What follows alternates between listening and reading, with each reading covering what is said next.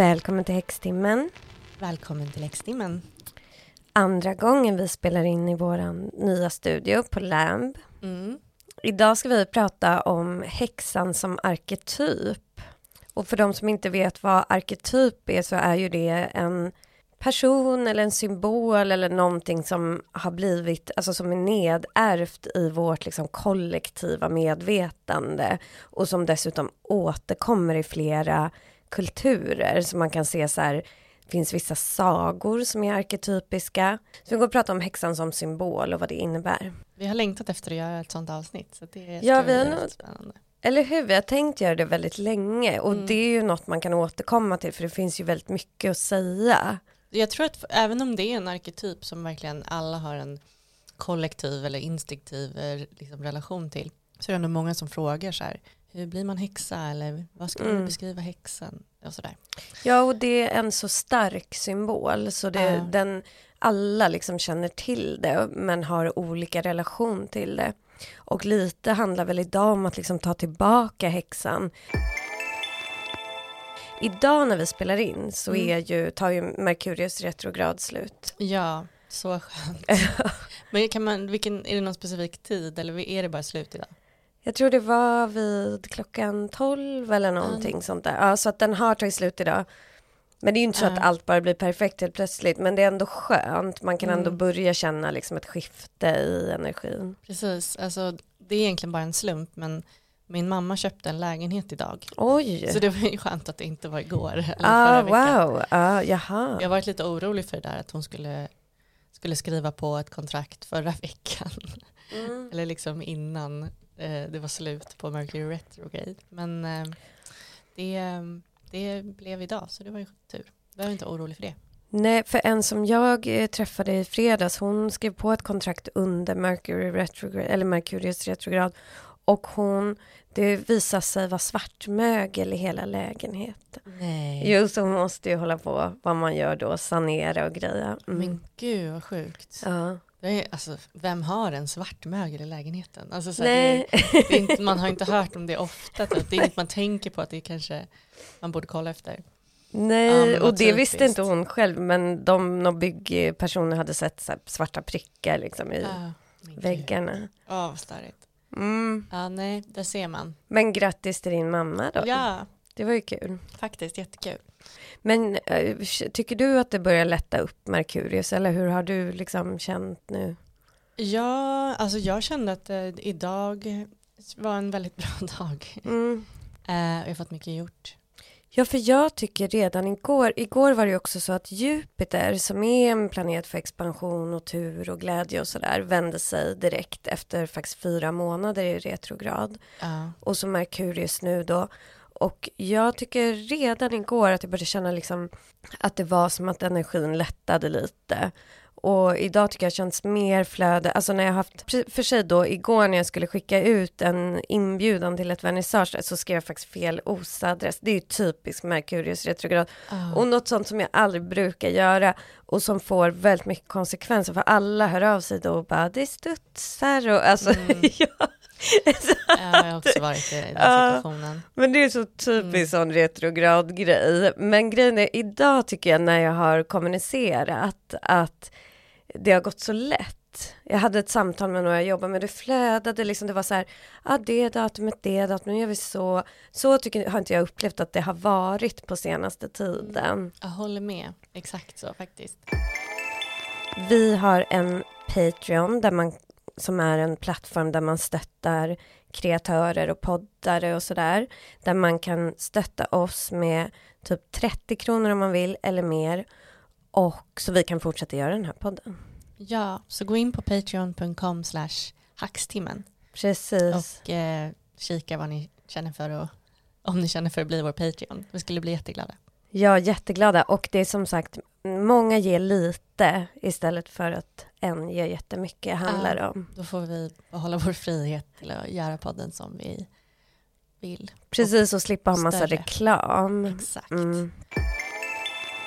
Ja men häxan då som arketyp, var ska man börja? Det känns ju väldigt liksom Ja. Är, för att så här, i början när jag började kalla mig för häxa officiellt eller vad man ska säga. Mm. Eller egentligen var det så att när jag började prata om tarot i media, för det har jag gjort i typ tio år kanske, ja sju år eller någonting. Ja. Och då skrev gärna journalister så här häxan Ebba och sådär. Och då tyckte min mamma att det var så hemskt. Hon var så här, du får gärna hålla på med tarot men måste du säga häxa? Alltså, det är ju... Tyckte det var så jobbigt att eh, liksom, läsa att hennes dotter var en häxa. Ja, och det är ju för att folk har väldigt negativa, alltså häxa har ju Mm. varit ett skällsord Mm. och är på vissa sätt fortfarande, men det börjar ju förändras. Ja, exakt. N- Nu, nu för tiden känns det som nyss har det börjat förändras. Och det är väl det du brukar säga också, att du vill liksom eh, återerövra det ordet. Ja, jag tycker att det finns en kraft i, för vissa är sådär, man ska inte säga häxa. Det var även någon som kommenterade det när vi hade varit med i Kakans podd, på Kakans Instagram vet jag, någon skrev så här, det är så gammaldags att säga häxa, det är ett ord som män har kommit på och sådär. Men för mig finns det liksom något i att våga, för det kan ju anses då som till exempel extremt oattraktivt om en kvinna säger att jag är häxa, alltså så här, det är någonting frånstötande för Exakt. män och så. Och det finns något i att ta tillbaka det. För för mig är ju häxa och häxkonst något väldigt vackert. Alltså det är ju det är ju så mycket i det som är liksom livet och makt och allt sådär. Poesi, Ja, nästan. Ja. Alltså, det, det, det finns en vacker harmoni i den, magisk, poetisk del i att vara häxa. Och Ja. Jag tänker, apropå det där att det är ett skällsord, och att man kallar sig för det så vågar man liksom vara frånstötande och inte Ja. behaglig som man jämt ska vara som kvinna. mm. Speciellt i relation till män eller liksom det patriarkala samhället. Ehm, men när, jag- när vi var små då var ju feminist ett skällsord. ja alltså exakt. jävla feminist. Det var typ som att kalla någon för äcklig. Eller, och det var typ om man tog lite plats eller om man sa ifrån eller någonting sånt där. Men det ordet idag, alltså det använder ju typ företag i, som, i så här sin slogan typ. För att Ja. så här, och då kanske det är typ privilegierade vita män som säger att de är feminister och så. Tänker jag att om man säger, alltså en man kan aldrig säga att den är häxa. Eh, Nej. Liksom, det blir ett sätt att det ordet är eh, En Äsch. heteroman. Ja exakt, en heteroman. Mm. Alltså, och inte sådär, alltså Göran Persson kan inte bara, jag är häxa. För att Nej, han, Nej, sa att han är feminist, nu är inte feminist och häxa samma sak. Men det känns Nej men det finns ju sånt, många beröringspunkter. Ja, det, kän, det, det känns som ett sånt, eh, ett sånt ord som, som ger en kraft eh, på samma sätt som feminist gjorde innan det blev helt urvattnat. Ja men precis. Men och jag tänker att om man lite så här går tillbaka till så här, vad är häxa? Men om man ska titta lite på så här grunden, vad man säger när man pratar om häxkonst, då är det ju lite, eller väldigt mycket kopplat till något, ett begrepp som har blivit väldigt populärt som kallas för divine feminine, alltså den gudomligt feminina energin, eller det gudomligt feminina. Och jag tror att, för jag vet att när jag var barn, jag upptäckte ju att jag var häxa när jag var liksom fyra fem år utan att ha ett ord för att så här, jag är häxa. Men det var ett sätt att tänka, ett sätt att se på naturen och ett sätt att förhålla sig till världen runt omkring. Och det är just den här intuitionen, fantasin, kopplingen till naturens cykler och sådär. Och sen så märker man ju när man växer upp och blir tonåring, då märker man ju att de här värdena, alltså intuition, känsla ja, och så vidare, att det är väldigt så här hårt nedvärderat i ett maskulint och så här patriarkalt samhälle. Och vissa då släpper det. För mig blev att bli häxa och vända mig till häxkonsten som jag upptäckte ganska tidigt, ett sätt att få ha kvar den här delen av mig och det här, den magiska sidan av livet. Ja, och då, då är, blir häxa ett så bra eh, ord för det, för att du, eftersom det är så hårt nedvärderat i samhället så blir det som ett sätt för dig att ja, men jag ställer mig utanför den eh, idén och nedvärderingen. Ja. Jag är inte en del av det utan jag står här vid sidan om och eh, tror på någonting annat. Och liksom har en annan förhållande till världen. Men och sen är det också i det här att när man växer upp, för jag tror att mycket som vi liksom är i kontakt med när vi är barn, tror jag att man skulle hålla kvar på vissa sätt, för andlighet är ju liksom någon del i det. Och det är ju mycket av det så här feminina som sen skalas bort, för man tänker där vi verkligen inte har den här feminina energin och så häxan, det är ju som det ser ut nu i så här, ja men liksom när man betalar räkningar eller när man håller på att stressa på ett jobb och sådär. Men man kan ju få in feminina värden i det också. Men just idag så har vi mer att så här, intuition och andlighet anses lite barnsligt. Det anses, ja men det nedvärderas ja. liksom. Jag känner till att till och med fantasi är nedvärderat idag. Ja, gud ja. Att ingenting får vara en dröm eller fiktivt, utan allting måste gå att relatera till verkligheten på något sätt. Väldigt mycket så är det. Och då är verkligheten vad då? Ja, den patriarkala verkligheten, för det är den som vi alla tvingas leva i. Liksom. Ja. Så det här, ja, jag just, jag känner igen det där som du sa, för när jag var liten så var jag, och jag tror att många känner igen sig här, ja, att man var så här, jag, att jag kände att jag hade en kontakt med träd mm.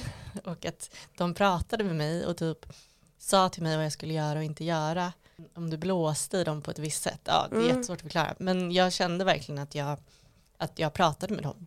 Um, Men det där lite... du beskriver nu, det är ju intuition och mm. att se sig om efter tecken. Det är ju en del i eh, att vara häxa, alltså att se se tecken i verkligheten. För jag anser ju att alltså, världen är full av tecken.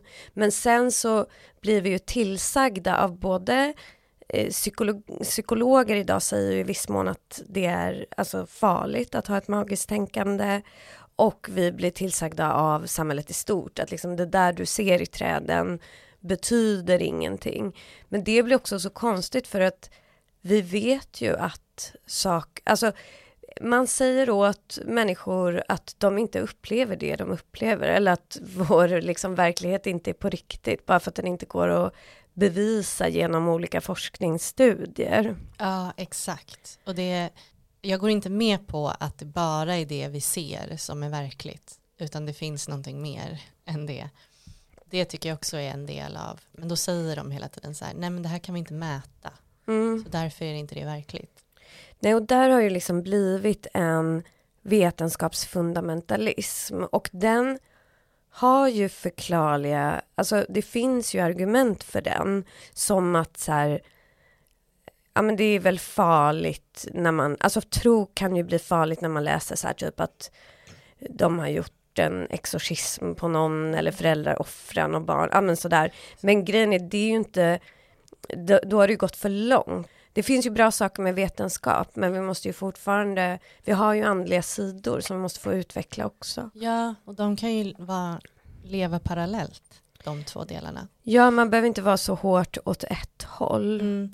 Och jag tror att det var Einstein som sa, vi skrattar ju alltid att liksom, ja, var... när någon hela tiden ska citera Einstein, men någon forskare som sa så här att alla forskare blir till slut andliga. Mm alltså på hans nivå. Typ sådär. För att när man har kommit så långt i att ta reda på gåtan om universum så förstår man att det finns inget, jag kan inte bevisa vad universum är, utan det är det går inte att bevisa, liksom. det är det som är poängen. Typ. Ja men precis, och det tycker jag är väldigt fin alltså, inställning, att så här, en vetenskapsmän vet ju inte allting heller. Och det som är väldigt jobbigt är ju så här, ja men faktiskt oftast killar då som läser mycket vetenskapstidningar och sådär och tycker, det är ju deras religion, alltså för det är också kul tycker jag när någon säger så här, jag tror inte på någonting, alltså de ska vara så, så bara, jo, du, du väljer att tro på vetenskap, det är det du tror på.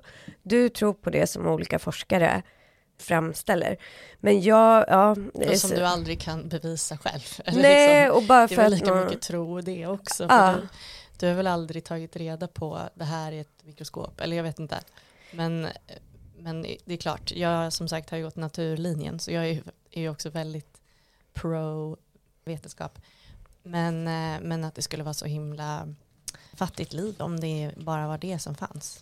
Ja, jag är också absolut för vetenskap, men jag, jag tycker inte man kan bortse från andra saker bara för att vi har vetenskap som bevisar vissa saker.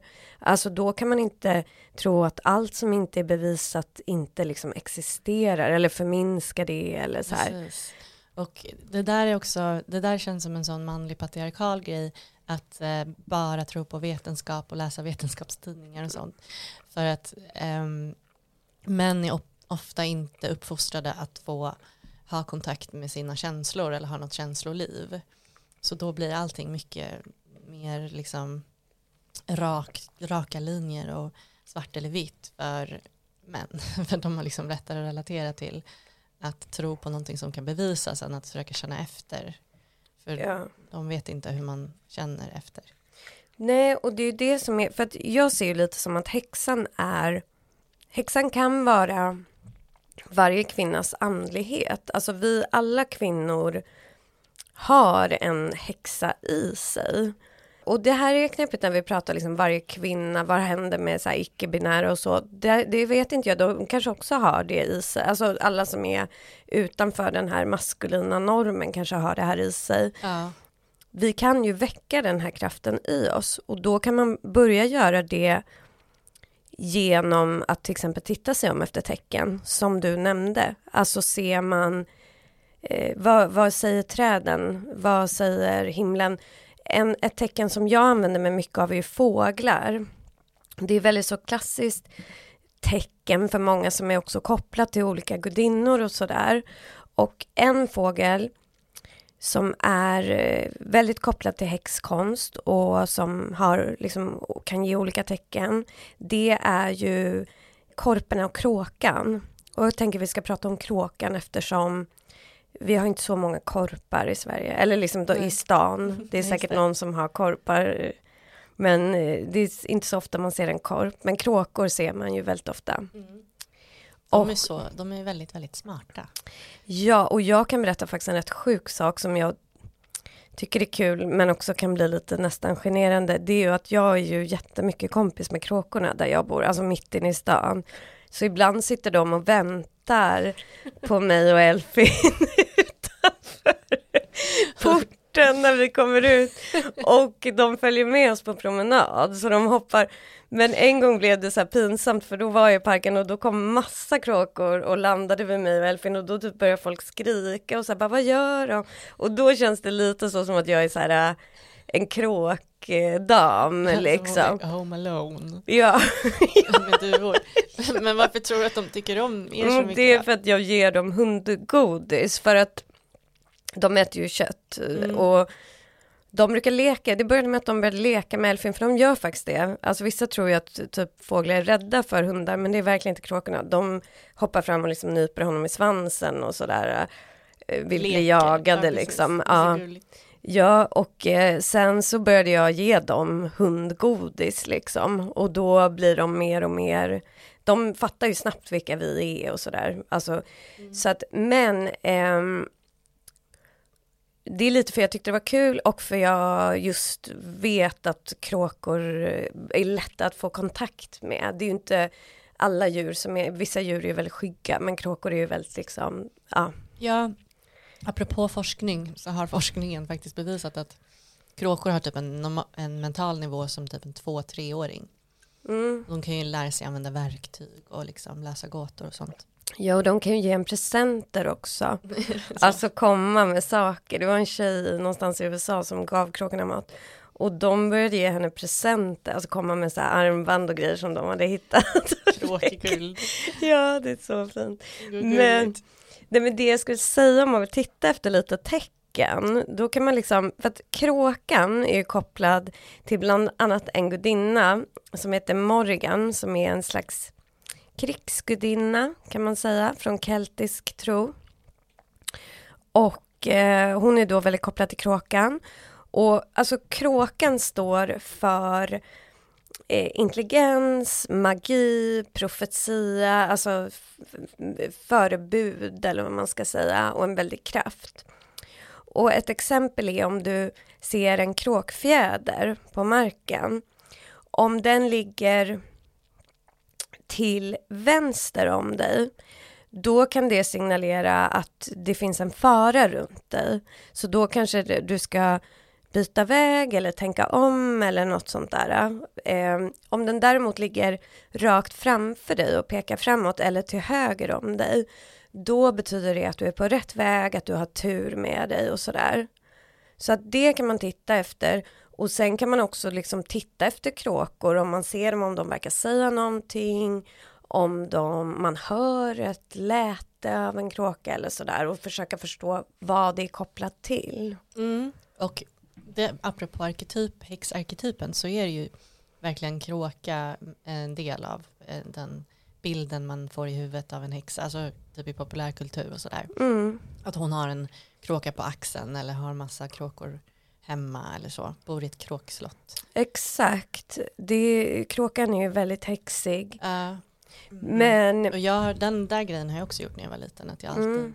lyssnade efter just uh, den fågelsången. Alltså mm. Alltså skator och kråkor och liksom sån där um, som låter som någon som skrattar. Typ. Ja men precis. Mm, det var också alltid väldigt speciellt. Alltså det var som att de försökte säga någonting. Kände jag när jag var liten. Ja och det kanske de faktiskt gör. Och sen så är det för kråkan påminner ju faktiskt lite om häxan som arketyp. Alltså att den är lite så här ansedd som stökig ja. på något sätt. För det är det också, häxan har ju ett, anses ju vara stökig. Man kan ju tänka häxa är ju kopplat till någon slags rebell, alltså det är en rebellisk energi och i vägen då liksom som man kan tycka eller som vissa kan tycka att kråkor är de är i vägen och skräpar ner sådär det är ju lite samma ja, med helt häxan. opolitliga också. Ja, opolitliga ja. Gör och, en skada. Precis och liksom inte att de är bara goda. Mm. Men vi kan ju nämna bara några fåglar till som man kan titta efter. Det är bland annat duvan. Det finns ju otroligt mycket duvor i stan, i Stockholm och så, i Göteborg. Så att man kanske kan kolla efter skogsduvor. Ja, eller Men... Stackars duvorna i stan, de känns som... Ja. De kanske inte mår så bra. Men för att duvan är ju en symbol för faktiskt för fred, för moderskap, också för profetier. Så man kan kika lite på även vad stadsduvorna har för budskap till en. Jag hade faktiskt en rätt obehaglig grej när en en nära mig var sjuk i cancer, då såg jag under hela tiden fram tills hen dog, såg jag döda duvor överallt. Alltså ni vet sådär, mm. ja du vet på, i skogen, såg en död duva på stan, såg jag död, hela tiden. Och det tyckte jag var ett så himla starkt tecken för detta. Ja, verkligen. Gud vad, vad sorgligt. Ja. Men duvor har också visat mig väldigt fina saker, alltså särskilt vita duvor. Så att det finns ju olika, det kan ju vara kärlek när det är vita duvor. Men så att man kan kika lite även på sina stadsfåglar och se vad de har för, mm. alltså och inte bara så här, oj jag såg en duva, för det är klart man ser duvor om man går i Stockholm i stan. Men alltså just vad, vad gör fågeln? Finns det något liksom budskap? Många har ju berättat så här, min farmor berättade att varje gång någon dog, någon släkting, så kom det någon fågel och satte sig i hennes fönster eller något sånt. Mm, det har man ju hört många. Mm. Just också så kanske hört från en farmor eller mormor eller någonting. Det var mer, man var mer uppmärksam på sånt uh, back in the day än vad man har tid för idag kanske. Ja, verkligen. Och fåglar anses ju faktiskt vara så budbärare mellan världarna. Liksom. Ja. Men jag tillbaka lite till, hä till häxan. För att alltså, vi nämnde ju vårt förra avsnitt om Samhain och Halloween. Då pratade ju vi om kelterna. Och man pratar man om häxkonst så återkommer man väldigt ofta till kelterna. Här kan det också vara så att man, för många frågar mig varför valde du en korgi? Och det finns ju olika skäl till det, alltså hundrasen corgi, men en är ju faktiskt att det är en keltisk hundras. Men för att häxkonst som den ser ut och så idag är ju väldigt, eh, alltså den bygger väldigt mycket på keltisk tradition och keltisk andlighet. Och det finns olika inriktningar men det finns mycket keltisk häxkonst och vilka är väldigt influerade av kelterna. Och om man tänker då vad kelterna var så var ju det de som fanns innan, alltså i Storbritannien och sådär innan kristendomen kom. Så det är liksom de man kallar för hedniska folkslag eller folkgrupper eller vad man säger. pagans kallas de ju i, på engelska. Men och grejen med dem är att de hade ju en helt annan andlighet som bara liksom kristendomen raderade ut. Och den andligheten var uppbyggd kring bland annat det här med Divine Feminine och alltså en balans. Det fanns både gudar och gudinnor och gudinnorna och gudarna hade liksom alla olika aspekter, alltså de var på olika sätt. De, de var inte bara goda eller bara onda, utan de hade massa olika egenskaper. Och kvinnan ansågs väldigt magisk. Och till exempel, bara som exempel så var alltså i ett äktenskap i den gamla keltiska tiden hade ingenting med religion att göra och den var helt jämställd mellan könen. Tänk att det har funnits så under flera tusentals år som kristendomen bara sen alltså, utraderade. Ja, det fanns Genom så mycket. bland annat. Precis, fram så mycket med jämställdhet. Och, för vi säger ju så här, allt har blivit bättre. Visst på vissa sätt, men alltså det är ju för att också för kristendomen har härjat. Ja, precis. Och vi lever fortfarande i det kölvattnet. Ja, vi lever liksom med de moraliska värderingarna mm. fortfarande. Mm. Men för att eh, bland annat Avalon, som många har hört om, det är ju, anses vara som någon slags magiskt land. Där, det är ju en keltisk gammal myt eller liksom tro som var platsen för Divine Feminine. Där levde gudinnor och sådär. Och vissa försöker ju så komma till Avalon och så. Man kan göra det genom magi och meditation och så. Men, och sen en sak till att säga angående kelterna och hur kristendomen har förändrat allt. För det finns väldigt mycket gamla keltiska sagor. Och vi har ju det här väldigt klassiska narrativet att en jungfru i nöd blir räddad av en riddare eller prins eller någonting. Men i dem är det lika ofta att liksom en jungfru räddar en prins eller en kille eller någonting. Så att det där liksom också förändrats. för det de kristna sa till kelterna var ju bland annat att kvinnan var underlägsen. Mm, precis, för det var det hela deras makthierarki byggde på. Ehm, just att, att det var vissa män med makt som hade, kunde få kontakt med Gud. Och att kvinnor, alltså egen, ja men kvinnor, kanske speciellt då kvinnor i grupp till exempel, utmanade den eh, makten. Och eh, kvinnor som tänkte själva, kvinnor som ägde sin egen kropp eh, och kvinnor som eh, hade liksom eh, eh intention eller eh, tog för sig. Och allt det här är ju egentligen en beskrivning av en häxa. Ja men precis. Och liksom efter, det var ju just häxbränningarna började ju på 1400-talet eh, och varade i 200 år nästan. Och eh, det var ju efter dem som, eh, som kvinnans ställning verkligen blev så låg. Liksom. Att det till och med in liksom, eh, bara in så länge sedan så förlorade ju, även när demokrati kom så liksom hade inte kvinnan rösträtt. Men hon hade det ogift. Men om hon gifte sig så fick ju mannen hennes mm. rösträtt för att då blev hon ägd av mm. honom. Men och om hon var ogift så var hon ju inte värd någonting.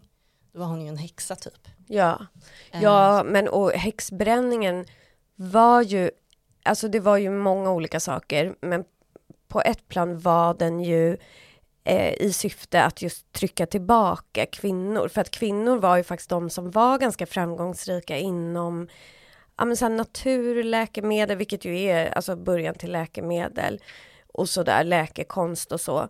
Och att kyrkan ville faktiskt eh, stoppa det. Vissa påvar ville stoppa kvinnors liksom, ställning. Det var ju, de, vissa säger att det var 80 000 kvinnor ungefär som blev mördade. Andra säger att det kan vara upp mot 200 000 i Europa. Mm. Um, och det är ju helt uh, sjukt många. Men också så här, uh, det jag har tänkt på med det är ju också att i Sverige vid den, liksom mot slutet av de här häxbränningarna, då pågick det ju i Sverige också. Då skrevs liksom kyrkan och, kyrkan och staten gick ju ihop under typ Gustav Vasa, tror jag det mm. var. Då, skrev, då blev liksom kyrk, då blev Bibeln lag. Så att du var ju, om du hade sex före äktenskapet eller var otrogen, då var det dödsstraff på det. Så då blev du halshuggen. Eh, för att det var liksom så enligt kristendomen. Mm. Eh, och det var ju mycket därför också som kvinnor blev eh, brända på bål eller halshuggna och anklagade för att vara häxor därför att de sa ju då att kvinnorna låg med djävulen i Blåkulla och att det var just det där sexet som var eh, dödsstraff på på grund av kristendomen. Mm. Så de liksom använde ett, ett, ett, de hittade på någonting om kvinnor för att få en ursäkt till att liksom ge dem dödsstraff just det här med kvinnlig sexualitet. Då. Ja, men och sexualitet överlag är ju kyrkan och liksom kristendomen mästare på att förtrycka och skuldbelägga och sådär. Men det är intressant det där med djävulen, för att mycket då eh, kommer ju tillbaka till det här med kelterna, men symbolen för djävulen som vi känner den är ju en eh, liksom varelse med horn. Och inom den keltiska kulturen så fanns det man kallas för the horn god och horn goddess. Och det var ett så här gudomligt alltså uttryck att bära horn och sådär. Så man har ju tagit deras, en av deras gudar och gjort till symbolen för ondskan och sådär. Mm. För att verkligen liksom så här, ni får inte, ni som tillber den här guden som de tillbad, ni är liksom verkligen Satan. Men en sak till som är intressant med djävulen det är att från början när man tänker djävulen, för Gud är ju så, alltså den allsmäktiga guden, det är ju liksom hans, från början var ju djävulen någon som skulle liksom kunna utmana Gud lite. När han säger att så här är det så kan djävulen säga att men tänk om det är bättre att göra så här eller så. Och istället för att kunna ha den här liksom kanske lite mer sunda balansen mellan en djävul och guden till exempel, alltså två olika gudomar, så är det liksom i kristendomen att en Guds ord är total lag och ingen får utmana det. Man får inte ifrågasätta av vissa saker då som är skrivet i. Exakt. Så att ehm. den är så liksom auktoritär, den religionen. Mm. Men jag tänker lite på just så här att vara häxa idag och vad det innebär. För att det är ju inte bara att det är en varm andlig famn att lägga sig eller så, utan häxa är ju en aktiv ståndpunkt eller vad man ska säga. Alltså det är en det är en aktiv position och det är också något som gör att man tvingas lite att ta ansvar för sitt liv också. Att inse att så här, jag är en andlig varelse. Jag har tillgång till den här andligheten som finns i mig och jag, vad jag gör får eh, effekter liksom. Att så här, universum är ju magiskt, men jag är också en magisk varelse och jag måste på något plan liksom ta ansvar för mina handlingar och hur jag hanterar livet. Så att det är också det att häxan är ju inte liksom en passiv eh, roll, utan det är ju på något vis en aktiv Precis, roll. och det är ju typ beskrivningen av hur, eh, vad kvinnor inte får vara. De ska ja. ju vara passiva de är farliga om de har en intention och intuition och liksom mm. planerar, alltså har en plan typ. Mm. Um, den görande ska ju alltid vara den patriarkatet. Liksom. Jo, det som är så konstigt har blivit i det här, för Divine Feminine har ju blivit väldigt så populärt och det tycker jag är bra till viss del, alltså att man pratar om att man ska uppvärdera Divine Feminine, men då pratar man så himla mycket om passiviteten, för att den är liksom en del i Divine Feminine, men det är inte riktigt passivitet tycker jag, utan det är mer att alltså i Divine Feminine så finns liksom eh, återhämtning, reflektion och sådana saker. För i vårt samhälle så har vi ju liksom, man ska prestera, prestera, men vi har ingen tid för återhämtning i princip. Och det är ju fel. Men då när man säger som att Divine Feminine bara är den här passiviteten, det är ju inte sant heller. Nej, precis. Det det finns ju en intention i återhämtning och, och introspekt och så här, mm. att man landar i sig själv också. Ja, fast jag tycker också att häxan, eller i Divine Feminine så finns en väldigt så här, aktiv mm. Eh, roll, för att det är också vi som så här, föder liv, alltså skapar. Jag tycker att skapande är en väldigt stor del i Divine Feminine och att just så här, få ut saker.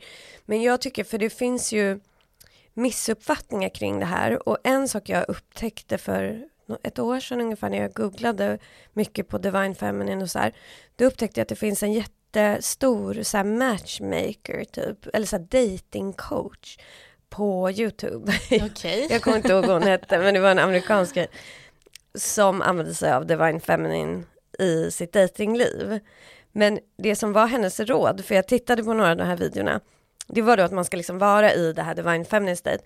Men därför ska man liksom inte typ göra någonting. Alltså man ska aldrig höra av sig till någon man, man ska aldrig visa aggressivitet för liksom aggressivitet anses vara maskulint kodat och själva jakten anses vara maskulint kodat och sådär. Och där tycker jag att det blir väldigt, eh, alltså fel.